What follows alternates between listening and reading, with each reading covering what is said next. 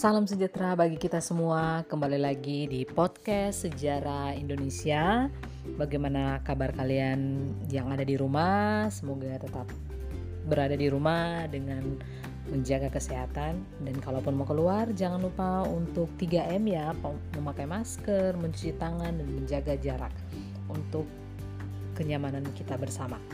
Baik, kembali lagi pada episode tentang kerajaan-kerajaan Hindu Buddha.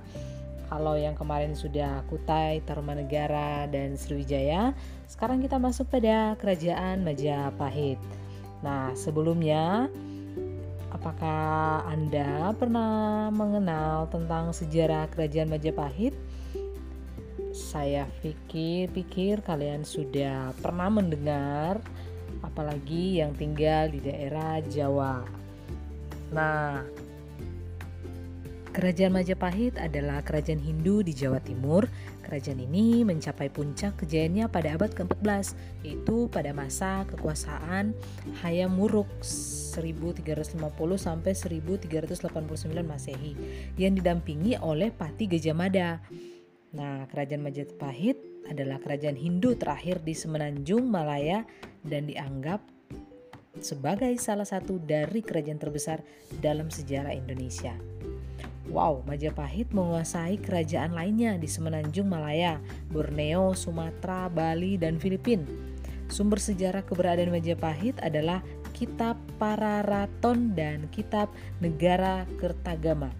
Kitab Pararaton ini banyak menceritakan tentang Ken Arok, namun juga memuat beberapa bagian pendek mengenai terbentuknya kerajaan Majapahit.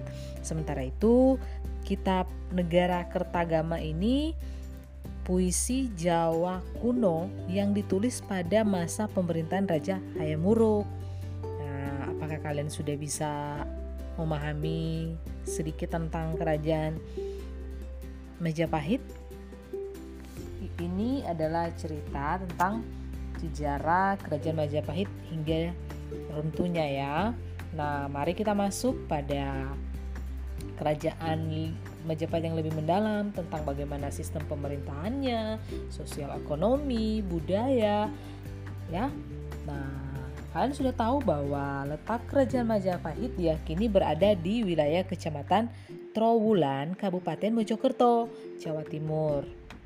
Hmm, namun peninggalan-peninggalan kerajaan Majapahit cukup banyak tersebar di wilayah Mojokerto, Kediri dan Jombang agar supaya kalian lebih asik lagi, mari kita lebih mendalami tentang bagaimana sih sistem pemerintahan pada masa kerajaan Majapahit ini. Ingat, berdirinya kerajaan Majapahit sangat berhubungan dengan runtuhnya kerajaan Singasari. Kerajaan Majapahit didirikan oleh Raden Wijaya yang merupakan menantu dari Raja Singasari terakhir yaitu Karta Negara atau maksudnya ini kerta negara ya. Majapahit memiliki struktur pemerintahan dan susunan birokrasi yang teratur pada masa pemerintahan Hayam Wuruk dan tampaknya struktur dan birokrasi tersebut tidak banyak berubah selama perkembangan sejarahnya. Jadi, raja ini dianggap sebagai penjelmaan dewa di dunia dan ia memegang otoritas politik tertinggi. Raja dibantu oleh sejumlah pejabat birokrasi dalam melaksanakan pemerintahan. Dengan para putra dan kerabat dekat raja memiliki kedudukan tinggi. Perintah raja biasanya diturunkan kepada pejabat-pejabat di bawahnya, seperti Rakyan Mahamantri Kartini. Biasanya dijabat putra-putra raja. Sedangkan Rakyan Mantri Ri Pakira-kiran Dewan Menteri yang melaksanakan pemerintahan, sedangkan Dharma Diaksa para pejabat hukum keagamaan. Dan lanjut Dharma Upapalti para pejabat keagamaan.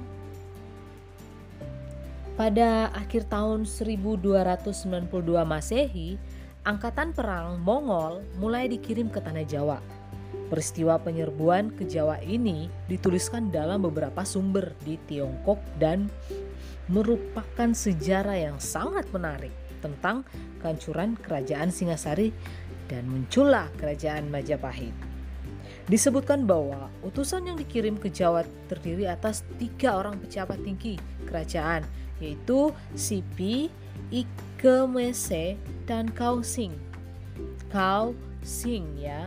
Mereka diberangkatkan dari Fukin membawa 20.000 pasukan dan 1.000 kapal. Wow, banyak sekali ya. Ini sekedar info sejarahnya. Kita lanjut pada dalam rakyat Mantri Ripa kira-kira terdapat seorang pejabat yang penting yaitu Rakrian Mapati atau Pati Hamangkubumi Hamangkubumi ya jadi pejabat ini dikatakan sebagai Perdana Menteri yang bersama-sama Raja juga da ikut melaksanakan kebijaksanaan pemerintahan. Selain itu, terdapat pula semacam dewan pertimbangan kerajaan yang anggotanya para sanak saudara raja yang disebut Batara Sabta Prabu. Wilayah awal Majapahit terdiri atas beberapa kawasan tertentu di, di bagian timur dan bagian tengah Jawa. Daerah ini diperintah oleh Uparaja yang disebut Paduka Batara yang bergelar Bre atau Batarai. Gelar ini adalah gelar tertinggi bangsawan kerajaan. Biasanya, posisi ini hanyalah untuk kerabat dekat raja. Tugas mereka adalah mengelola kerajaan mereka, memungut pajak, dan mengirimkan upeti ke pusat, dan mengelola pertahanan di perbatasan daerah yang mereka pimpin.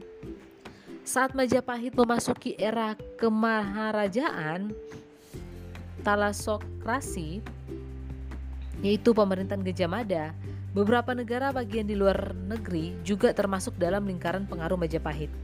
Sebagai hasilnya, konsep teritorial yang lebih besar pun terbentuk.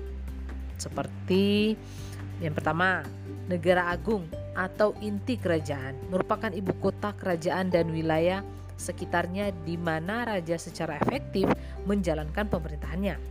Yang kedua, mancanegara adalah area yang melingkupi negara agung. Area ini secara langsung dipengaruhi oleh kebudayaan Jawa dan wajib membayar upeti tahunan. Wilayah mancanegara meliputi seluruh pulau Jawa, Madura, Bali, Darmas, Raya, Pagaruyung, Lampung, Palembang, dan sebagian Sumatera. Dan yang ketiga, Nusantara adalah area yang tidak mencerminkan kebudayaan Jawa, tetapi termasuk ke dalam wilayah Majapahit dan mereka harus membayar upeti tahunan. Wilayah ini mencakup Maluku, Kepulauan Nusa Tenggara, Sulawesi, Kalimantan, dan Semenanjung Malaya. Yang keempat, Mitreka Satata, yang secara harafiah berarti mitra dengan tatanan aturan yang sama. Hal itu menunjukkan negara independen luar negeri yang dianggap setara oleh Majapahit bukan sebagai bawahan dalam kekuatan Majapahit.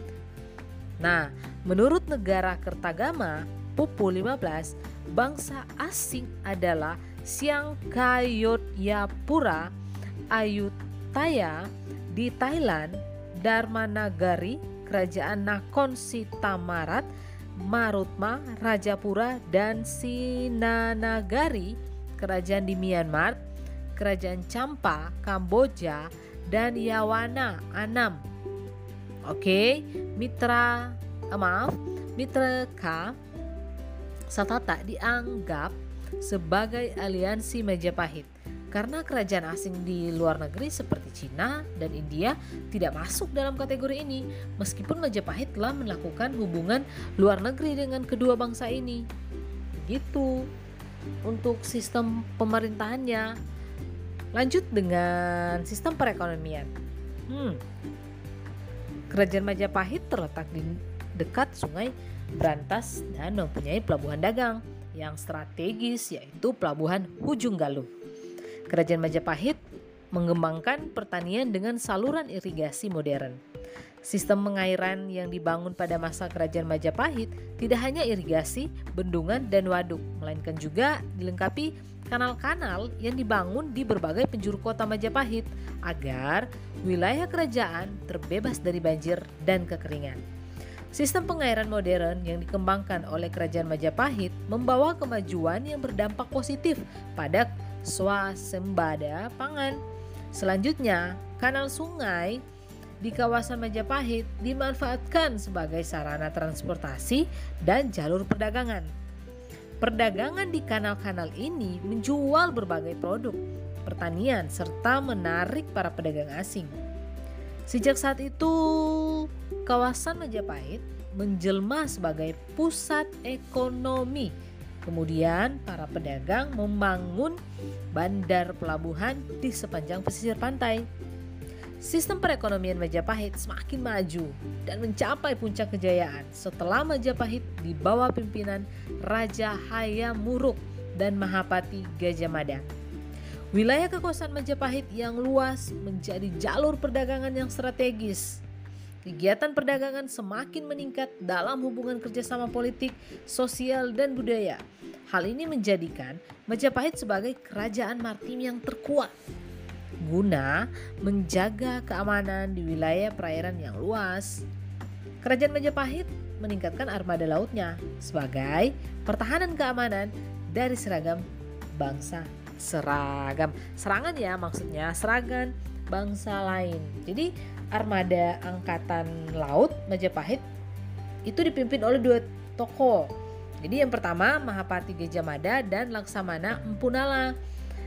Angkatan Laut Mahapati Majapahit maksudnya dilengkapi dengan senjata meriam cetbang, kapal perang, dan berbekalan. Kapal-kapal penting ini ditempatkan di lima titik penting yaitu perairan Pelaut, perairan Pulau Sumatera, Laut Selatan, Jawa, perairan Makassar, Selat Malaka, dan Laut Jawa ke arah timur dengan jumlah kapal mencapai ribuan. Nah, Kemaritim kerajaan Majapahit dapat berkembang cepat dengan adanya Sumpah Palapa yang diikrarkan oleh Gajah Mada. Sumpah Palapa adalah suatu pernyataan sumpah yang dikemukakan oleh Gajah Mada pada upacara pengangkatannya menjadi Pati Amungkubumi Majapahit tahun 1258 Saka atau 1336 Masehi. Dari isi sumpah palapa tersebut dapat diketahui bahwa pada masa diangkatnya Gajah Mada sebagian wilayah Nusantara yang disebutkan pada sumpahnya belum dikuasai oleh Majapahit. Namun dengan kegigihan tekad Gajah Mada, akhirnya Majapahit mulai mampu menguasai sebagian besar wilayah di Nusantara dan berhasil menjadi kerajaan agraris serta kerajaan maritim yang tangguh. Wow, Majapahit memiliki mata uang sendiri yang bernama gobok. Gobok merupakan uang logam yang terbuat dari campuran perak, timah hitam, timah putih, dan tembaga. Hmm, bentuknya ini bentuk koin dapat lubang, maksudnya dengan lubang di tengahnya jadi penduduk Majapahit juga menggunakan uang kepeng ini. Lalu bagaimana dengan kehidupan sosial budaya? Oke, pada masa kerajaan Majapahit berkembang agama Hindu Siwa dan Buddha. Jadi kedua umat beragaman itu memiliki toleransi yang besar sehingga tercipta kerukunan umat beragama yang baik Hal itu ditegaskan dalam kitab Sutta Soma dengan kalimat Bineka Tunggal Ika Tanhana Dharma Mangwa. Ingat ya, Mangwa. Artinya, walaupun beraneka ragam, tetap dalam satu kesatuan, tidak ada agama yang mendua. Urusan keagamaan diserahkan kepada pejabat tinggi yang disebut Dharma Yaksa. Jabatan itu dibagi dua yaitu Darmat Yaksa Ringka Saiwan untuk urusan agama Siwa dan Darmat Yaksa Ringka Sogogatan. Kasogatan. Untuk apa ya? untuk urusan agama Buddha. Kedua pejabat itu dibantu oleh sejumlah pejabat keagamaan yang disebut Dharmaupati. Pejabat itu pada zaman Hayam Wurung yang terkenal ada tujuh orang yang disebut Sang Upati Sapta. Di samping sebagai pejabat keagamaan, para upati juga dikenal sebagai kelompok cendikiawan ataupun jaga. Pada masa Majapahit, bidang seni budaya berkembang pesat terutama seni sastra karya seni sastra yang dihasilkan pada masa zaman awal Majapahit adalah kitab Negara Kertagama karangan Empu Prapanca pada tahun 1365. Yang kedua, kitab Sutasoma karangan Empu Tantular. Kitab tersebut berisi riwayat Sutasoma seorang anak raja yang menjadi pendeta Buddha. Yang ketiga, kitab Arjuna Wijaya karangan Empu Tantular yang terakhir adalah Kitab Kunjara Karna dan Partayajna.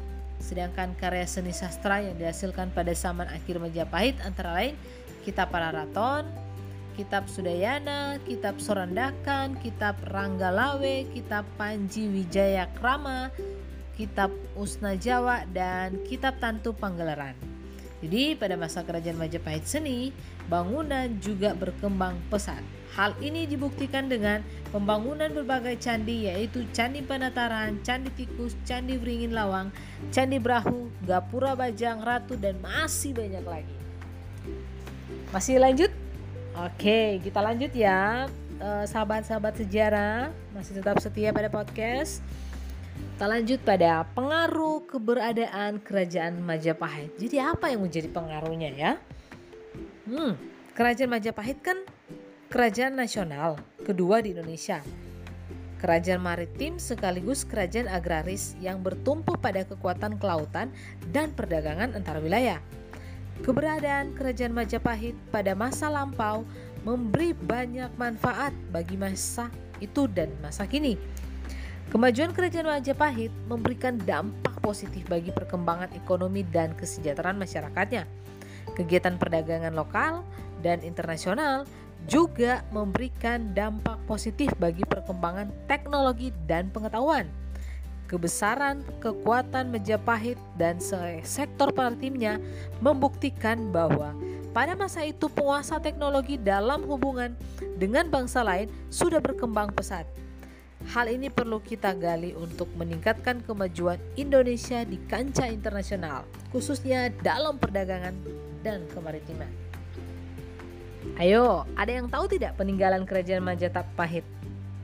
Tak ya, ayo. Kerajaan Majapahit harus kita lestarikan. Sebagai bukti sejarah nilai-nilai luhur bangsa dan menjadi sumber pengetahuan beberapa manfaat yang kita dapat dari menjaga kelestarian peninggalan secara khususnya peninggalan kerajaan di Majapahit di antaranya pertama ingat baik ya memperkaya kebudayaan bangsa Indonesia. Yang kedua, menambah pendapatan negara karena digunakan sebagai objek wisata. Yang ketiga, menyelamatkan keberadaan benda peninggalan sejarah sehingga dapat dinikmati oleh generasi yang akan datang dan generasi yang akan datang salah satunya adalah Anda-anda pendengar podcast sejarah Indonesia yang setia.